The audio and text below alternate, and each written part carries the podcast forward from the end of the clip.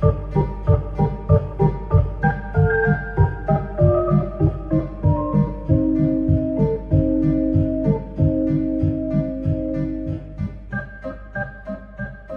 luisteraar, dit is de tweede Roomse Loper. Mijn naam is Stijn Vens. En ik ben Christian van der Heijden. We gaan het over hebben. Ehm, tweede Pinksterdag lijkt me. We hebben het uh, allemaal overleefd.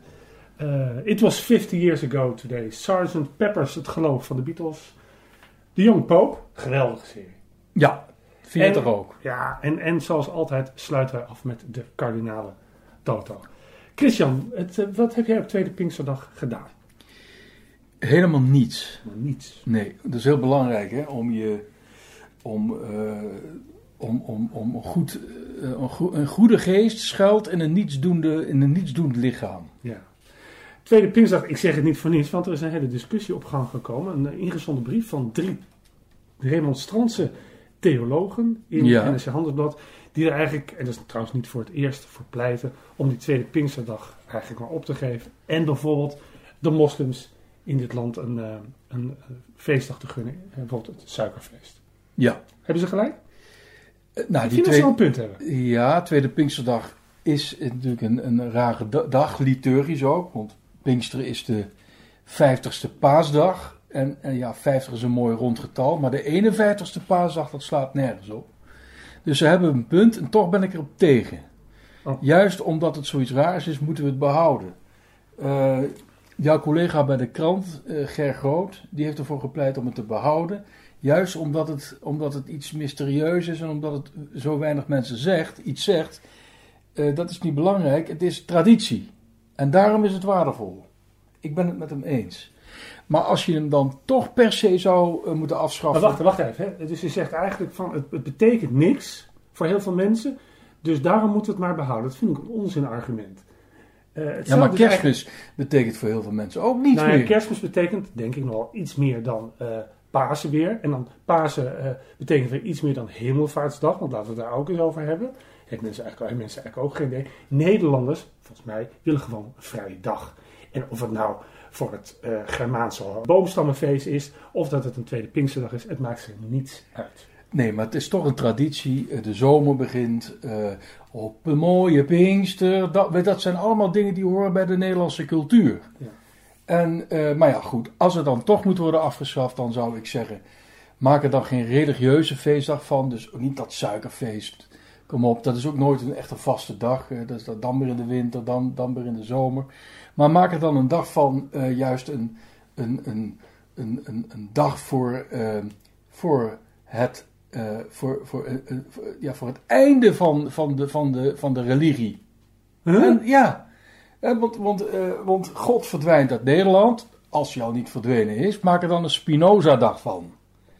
Maar lieve... 4 november, 24 november 1632, ja. geboortedag van Spinoza. Hij, is de, hij is eigenlijk in Europa en eigenlijk in de hele wereld de, degene die begonnen is met religiekritiek. Nou, eigenlijk is de meerderheid van het volk het met hem eens. Uh, dus op 24 november, Spinoza-dag. Uh, dat is eigenlijk de grootste geleerde die Nederland ooit heeft voortgebracht. En hij is een religiecriticus. Hij staat voor de verlichting, de radicale verlichting. En daar zouden wij wel eens wat trots op kunnen zijn. Nou ja, ik vind dat jij wel een beetje snel over dat suikerfeest heen stapt. Want zou dit, het feit dat wij de moslims... Ja, maar ik heb niks met dat suikerfeest. Nou ja, het probleem is natuurlijk ook dat uh, moslims in Nederland dat suikerfeest op een verschillende dag vieren. Want dat hangt Ja. vanaf waar je vandaan komt en welke telling je, jaartelling je bent. Ja. Uh, het heeft geloof ik met de, de cykel van de, van de maan te maken.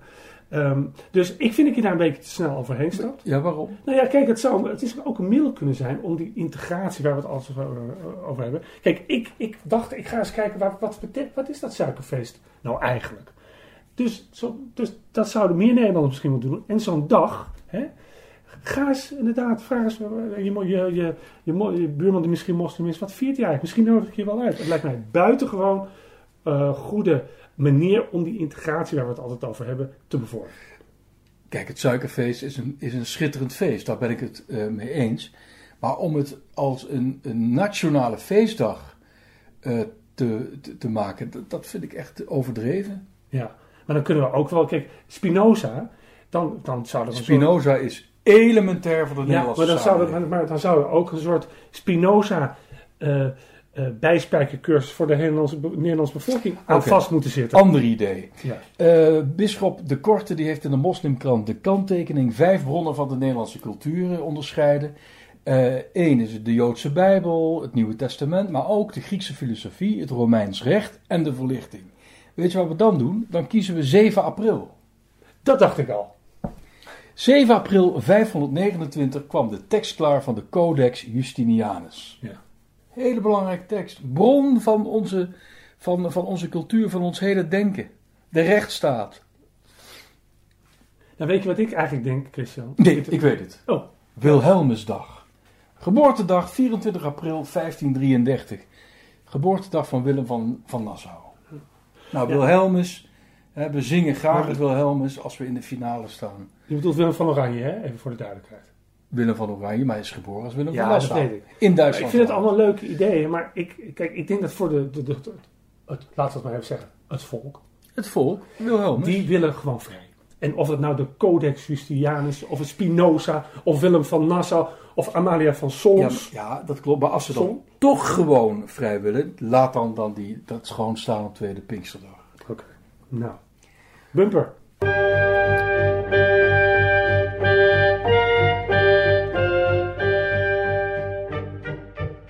Over Pinksteren gesproken. Ehm Pinkster is de vijftigste paasdag, hè? Ja. 50 jaar geleden. Ja. Stijn, wat gebeurde er toen? Nou, 50 jaar geleden, ehm we spreken over 1 juni 1967. Ja. Ik heb gelezen dat eigenlijk die, die plaat al wat, eerder, wat een paar dagen eerder in de winkel in Londen lag. Oh. Over eh, verscheen Sgt. Pepper's Lonely Hearts Club Band. Het meesterwerk van de Beatles. Nou, dat is in de hele wereld gevierd. Wat heel aardig is, er is een, er is, die, die, die LP is 50 jaar na verschijning weer op één binnengekomen. Of staat weer op één in de Engelse hitlijsten. Er is een geweldige box uitgekomen. Hij is helemaal opnieuw gemixt. Eh, dat we zeggen, echt, echt, er is een heel nieuw geluid ontstaan. Ik, alsof de, de, de, het plafond van de Sixtijnse kapel is afgestoft. Er zijn dingen onder de stoflaag vandaan gekomen die we helemaal niet kenden. Eh, maar 1967 is natuurlijk ook The Summer of Love. Ja. En ik dacht, weet niet, of- dat komt natuurlijk omdat wij in dit gremium de dingen tegen het katholiek, christelijke, humanistische licht houden. Ik dacht, hoe zit het eigenlijk met het geloof van de Beatles? Ja. En dan hebben we het, en tot mijn grote eh, vreugde ontdekte ik dat maar liefst twee van de vier, namelijk George Harrison en Paul McCartney, zijn katholiek. Eh, de ouders van Paul McCartney waren, eh, zijn vader James was eh Anglicaan, maar was agnost geworden. Zijn moeder was echt een hele vrome katholiek, die heette Mary. Paul is geboren, dat komt er ook aan, op 18 juni 1942 in Liverpool natuurlijk. En is een kleine maand later gedoopt in de Philo, Philomena, Philomena Church, zeg je denk ik, in Liverpool. Met de prachtige doopnaam Jacobus Paulus. Nou, prachtig. En Harrison is ook gedoopt. Zijn ouders waren ook katholiek. En ehm, die is gedoopt in een andere keer. eh, Our Lady of Good Hope. Hoe zou je dat mooi vertalen? Eh, de, onze, Onze lieve vrouw van de hoop. van de hoop. Van, van de goede hoop. Ja, nou ja. eh, Star, die is volgens mij niks, maar die zat wel op een Starkey. Starkey, Richard Starkey, Ringo Starr, die zat op een Anglikaanse school. En Lennon was officieel Church of England. Nou ja, dat is dat Anglikaans. Anglikaans, Church of England. Anglikaans. Ja. Nou, dat geloof hebben ze eigenlijk vrij snel verlaten. In 1965 gaven ze een interview aan de Playboy waarin ze toegaven dat ze alle vier agnost waren. En maar dat ze niet anti-religieus waren. En in diezelfde tijd kregen ze een, alle vier een boek over reïncarnatie. Een hindoe boek. Ja. En ehm, waarom vertel ik dit dan allemaal? Omdat eh, eh, we hebben het over. Ze hebben wel de stap gemaakt van het traditionele geloof naar een soort ander geloof. En dat ja. in hetzelfde jaar 1965 br- eh, brachten ze Rubber Soul uit. Geweldige eh, plaat, geweldig album. En daar staat het nummer The Word op. Laten we er één klein stukje van laten horen. Oké.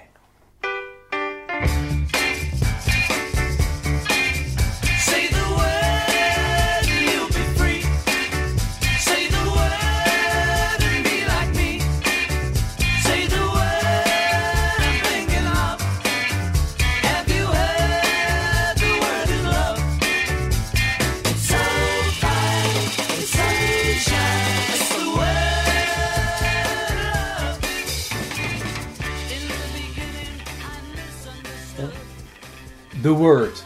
En eh, wat bedoelen ze daarmee? Nou, the word is love. Dus eigenlijk eh, zou je kunnen zeggen dat, dat die, die traditionele religie eh, bij hem plaats gemaakt voor iets ja, algemeens, Zij zijn, iets vaags, namelijk de liefde. zijn zij de evangelisten van de, de seculiere religie?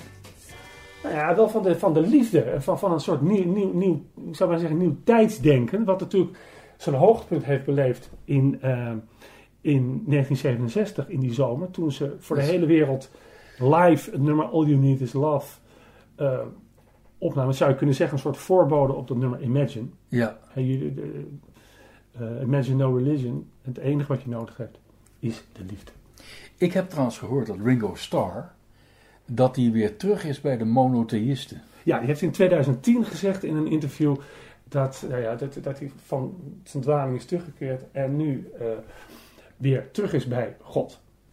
Peace and love. Peace and love, dat roept hij ook de hele tijd. En McCartney heeft een keer, heeft er een, keer een paar jaar later iets over gezet in een Engelse krant. Hij zei, ja, ik geloof in het goede en dat is het dan ook wel. En Daar, hij is jouw grote held, hij is mijn grote held. maar hij is de minst religieuze figuur van de Fab Four. Ja, En, maar ik zou zeggen min- minst eh, gelovige, want ik, zijn, zijn muziek is, zou je wel religieus kun- kunnen noemen. Hè, Ja. Het maakt religieuze gevoelens los. En ik denk ook dat hij daar ook wel... Noem eens één nummer van McCartney waarvan je zegt, ja, dat maakt in mij een religieus gevoel. Nou ja, het is, wat, het, was, het, was een, het is wat minder bekend, maar het is Wanderlust van zijn eh, LP Tug of War. Dat gaat eigenlijk over een boot die, die op drift raakt. En eh, hij spreekt eigenlijk een soort hogere macht aan om, om ons te beschermen. Hè. Eh, Light out Wanderlust, head us out to sea, leid ons naar de zee. Kijk, dat, dat werk zit er vol mee.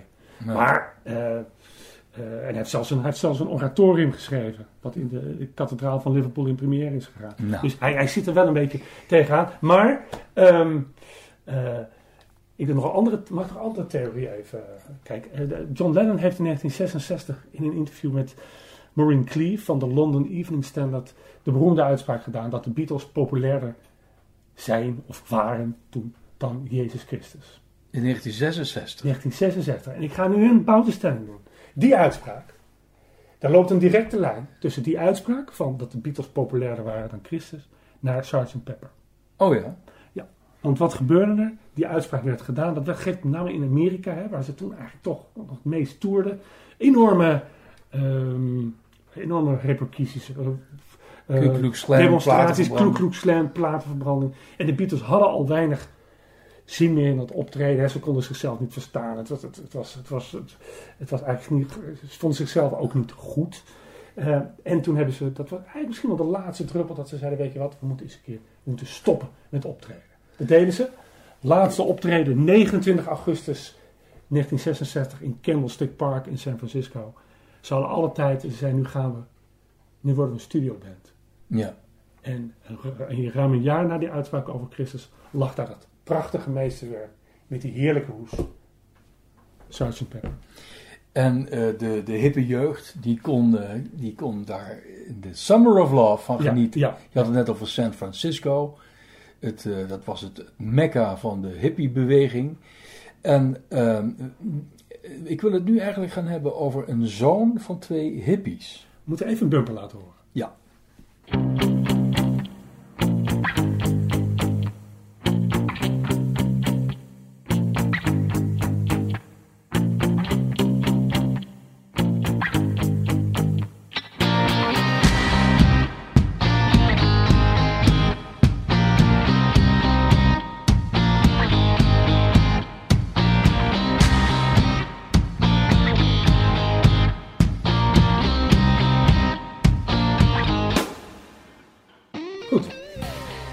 Deze bumper eh, is heel mooi. Dat is de, eh, de, de openingstune van The Young Pope. Het is een instrumentale cover van Jimi Hendrix' eh, versie van Bob Dylan's All Along the Watchtower. Kijk, dan zijn we meteen. Een heel religieus nummer Ja. eigenlijk, hè? Goed. Maar The Young Pope, ehm Stijn, jij bent hem aan het bekijken, hè? Ja. Wat is het? Nou ja, het is een, het is een, tv-serie van de Italiaanse regisseur Paolo Sorrentino. Dat is de regisseur van eh, La Grande Bellezza, een film die hier in, in, in Nederland in de arthouses het goed, heel goed gedaan. Schitterende film over Rome. Oscar gewonnen. hè? Maar eigenlijk nog een betere film eh, van Sorrentino vind ik Il Divo. Ja. Over de eh, Italiaanse, geheimzinnige Italiaanse politicus eh, Giulio Andreotti. Prachtig. Nou, hij heeft nu het... eh, eh, Dezelfde Young- acteurs trouwens. Hè? Ja, hij, dezelfde- hij werkt vaak met dezelfde acteurs. Ja. Nu heeft hij dan de Young Pope. En het gaat eigenlijk over de eerste Amerikaanse eh, paus. Een jonge, een jonge man die eh, eigenlijk ja, door allerlei gekonkel uiteindelijk toch wordt gekozen. En wat blijkt, een jonge Amerikaanse paus. Hij rookt. Hij is, hij is, een, ik zou bijna hij is vrij onbehouden.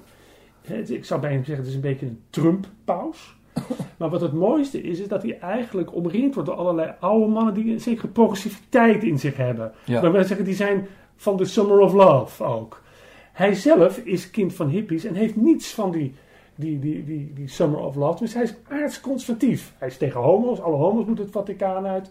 Abortus, eh, euthanasie. Eh, een hele bijzondere pop. En niemand weet zich raad met deze man. Nee, hij, hij is, ik, ik heb hem dus eh, helemaal gezien. Ik heb mij daarvoor moeten abonneren op Videoland. Ja. Ik heb nu die serie gezien, dus ik ga me weer ontabonneren. Is dat een woord? Nee. Ja. Deze, deze Lenny eh Betardo, die is verlaten door zijn ouders. Op achtjarige leeftijd. Ja, dat beeld zie je ook de hele tijd. Oh, hè? dat is dus zo dat hij dus naar dat kinderhuis wordt gebracht, waar, Ja. die non op, hem sta- waar een non op hem staat Sister. Mary, Sister Mary. gespeeld door Diana Keaton. Ja. En dan, dan, dan zie je die, dan kijkt hij nog even om en dan staan die hippie ouders er met, hè, met lang Ja. haar en die moeder met, dat, met, dat, met, dat, met, dat, met die scheiding in het midden. Ja, Eh, dat, wordt, dat, van een, dat beeld wordt heel erg teruggehaald. dat is het leidmotief, als ik eh, dat zo mag zeggen, van de hele serie. Eh, deze paus, paus Pius XIII, Ja. vind ik ook wel leuk, Ja. is, een, eh, ja, is een, eigenlijk een vat vol tegenstellingen. Ja. Hij, het is eigenlijk een hufter, een, een egocentrische blaaskaak, maar hij is ook een heilige en een religieus genie. Ik zal niet te veel eh, verklappen, luisteraar, maar eh, ga deze serie bekijken. Je zei het net ook over die kardinalen, die weten met hem geen raad. Eh, de, de kardinaal staatssecretaris, eh, fantastische personage is dat, die zegt van het is nu eh, in deze situatie voor een jonge man moeilijker om priester te worden dan astronaut. Vond ik een hele goeie. Ja, wat hij ook zegt, hij zegt tegen haar, die twee, twee botsen de hele tijd, Ja, zegt hij, for a young, for a young, for a young man, you have old ideas. Hè, dat, dat is Ja. eigenlijk ook een beetje de kern van het. van het en, eh, maar wat eigenlijk, wat er dus onder ligt, onder die, onder die Young Pope, is eigenlijk een beetje het, het, failliet van die Summer of Love. Want waar heeft die Summer of Love nou eigenlijk in, de- in wereld toe geleid? ja, het heeft niet heel lang geduurd, die hele flower power. Men zegt altijd het, het, eh, het iconische einde daarvan is eh, het gratis concert van de Rolling Stones. in, in, in, in eh, hoe heet die, die, die, die, die, die racetrack daar bij San Francisco. Toen er dus ook voor de ogen van de Stones door een Hells Angel iemand is neergestoken. Dus eh, dat was het einde van de Flower Power. Ehm, ja, wat heeft het opgeleverd? In ieder geval dat wij het er nu nog over hebben. Ja. Het is een, het is een, we hebben hem niet meegemaakt, maar we zijn er toch op een of andere manier door, eh, door bepaald. Maar dat beeld hè, van, die, van, die, van die, die, die, die- die kleine jongen, hè, die later Ja. dan de Young Pope wordt, Ja, die dan nog steeds maar naar dat kinderthuis wordt en dat omkijken naar die ouders. Dat zegt voor mij eigenlijk, is voor mij het beeld van de serie. Namelijk, ja, de, de, de- mooi hoor, al die peace en love en weet ik veel. ja. Maar eh je hebt mij Maar ouderliefde, ouderliefde, dat, dat Dat werd zat niet... er niet eh, in. Dat zat er niet in. eh, hè? Ze zat niet inbegrepen in, in, in, eh, in dat love eh, verstaan. Ik, eh, trouwens, de, de, de, de, de regisseur is bezig met een vervolg. Ja, heb ik eh, ook gelezen. Alleen dat, eh, dat is niet een vervolg van de Geen sequel, hè? Geen sequel, maar dat heet de New Pope. En eh, het schijnt dat ze in het Vaticaan hun hart vasthouden. Ja, hij, hij zal pas in 2018 eh, ver- vertoond worden. Ik denk alweer exclusief in Nederland voor eh, Videoland.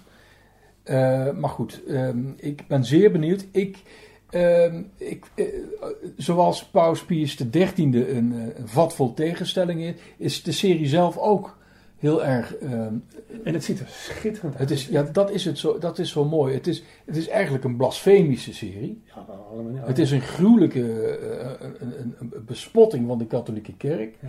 En tegelijkertijd is het een ode aan datgene waar, waar de kerk voor staat. Namelijk de, de vreugde, de liefde, noem maar, maar op. En er is, er is kosten nog moeite gespaard, want eh, er is in de beroemde Romeinse filmstudios van Cinecittà, Ja, hebben ze gewoon een hele Sixtijnse kapel nagebouwd. en dat hebben ze goed gedaan. Dat ik dacht echt, goed gedaan. ik dacht, hoe hebben ze dat klaargekregen om te filmen in de Sixtijnse kapel? Ja. Dat is dus helemaal nagebouwd. En de gangen van het Vaticaan hebben ze gefilmd in, Piazza, in Palazzo Venezia. Dus ze hebben allerlei plekken op Rome gefilmd. Dus ze Ja. mochten natuurlijk niet filmen. Ook even voor de Venetië-fans. Ehm, eh, eh, ga die serie zeker zien, want de apotheose van deze serie speelt zich af op Piazza San Marco. Nou, de, even, eh, ik zeg weer een bumper.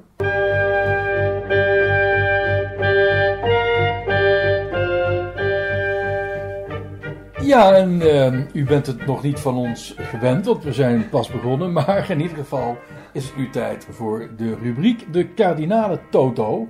Iedere week gaan wij de papabili eh, voor eh, de revue laten passeren. Eh, Stijn, jij noemt een papabele kardinaal en ik. Nou, laten we even, allereerst even, Christian. Op het moment van spreken hebben wij twee- eh, 221 kardinalen in, het, in deze meest exclusieve herenclub op aarde.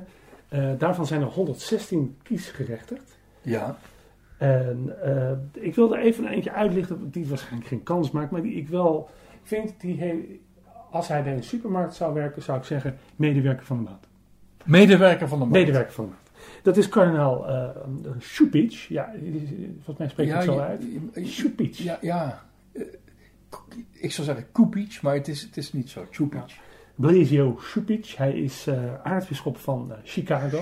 Ja. Hij is ook, hij is ook hij is, kardinaal. En hij is, wat ik maar wil zeggen, een Franciscus kardinaal. Kijk, die man was eh, bisschop van Spokane. Dat, is een, eh, dat zit in de staat Washington aan in de westkust.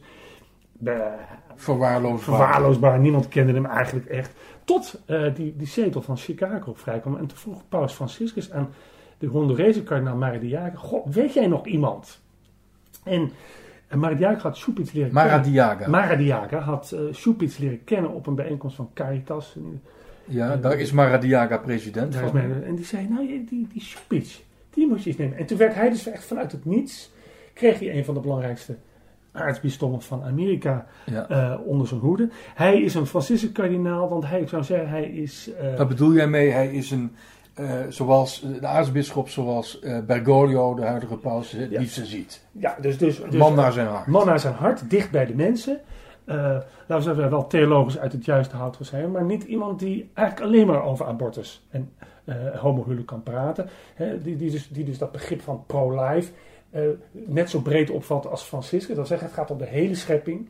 Dat wil zeggen, je kunt niet tegen abortus zijn en tegelijkertijd olielozen in een rivier, om het Nee. zo maar te zeggen. Nou, de- vorige week hebben we natuurlijk meegemaakt dat president Trump dat klimaatverdrag heeft opgezegd. Ja.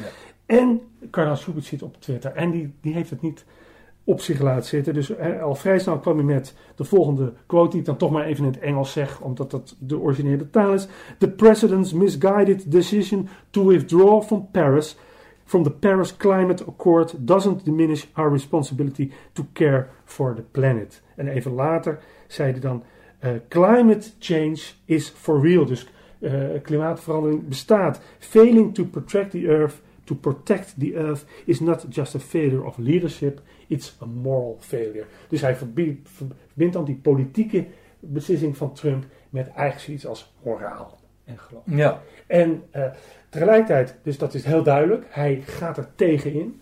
Tegelijkertijd geeft dit ook de, de, de barst aan die door de Amerikaanse bisschoppenconferentie loopt. Want u hebt eh, daar ook uh, aartsbisschoppen die dat misschien wel erg vinden, maar nooit zullen twitteren. Je hebt hè, dus de Amerikaanse bisschoppen zitten klem tussen Trump, heb ik wel eens gezegd, en Franciscus. ja. Toch?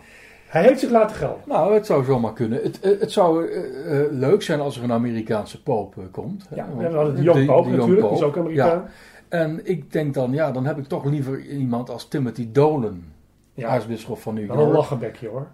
Ja, wel een gezellige maar ik, ik, ik denk niet dat het goed is.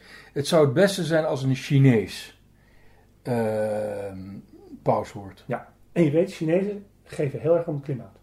Is zeker, ja. Ze hebben dus nu samen met de staat Californië ehm, een klimaatakkoord gesloten.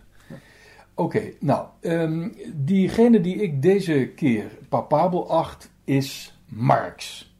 Marx. Niet Karl Marx, maar Reinhard Marx. En het leuke is, Karl Marx komt uit Trier. En van diezelfde stad was Reinhard Marx bisschop.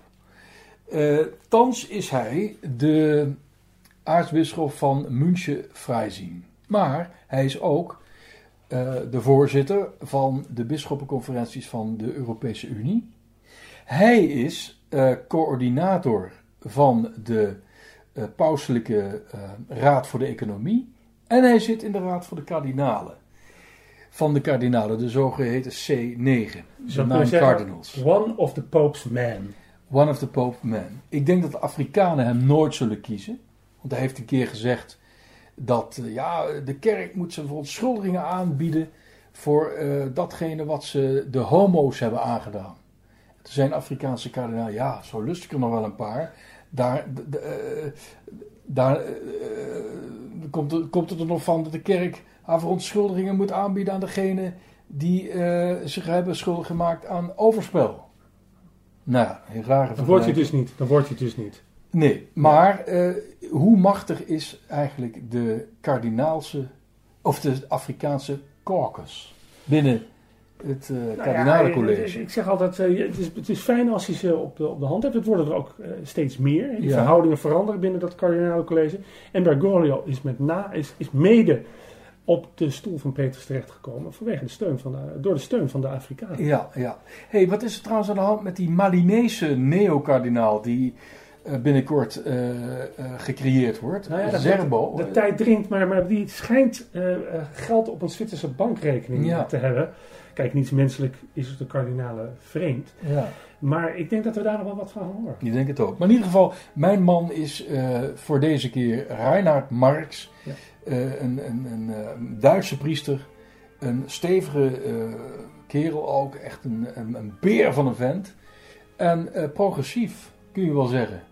Ja, maar wat is progressief? Maar daar kunnen we misschien later nog wat over zeggen. Oké.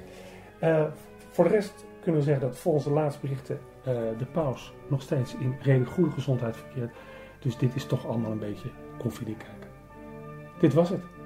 Leuk dat u luisterde. Dag!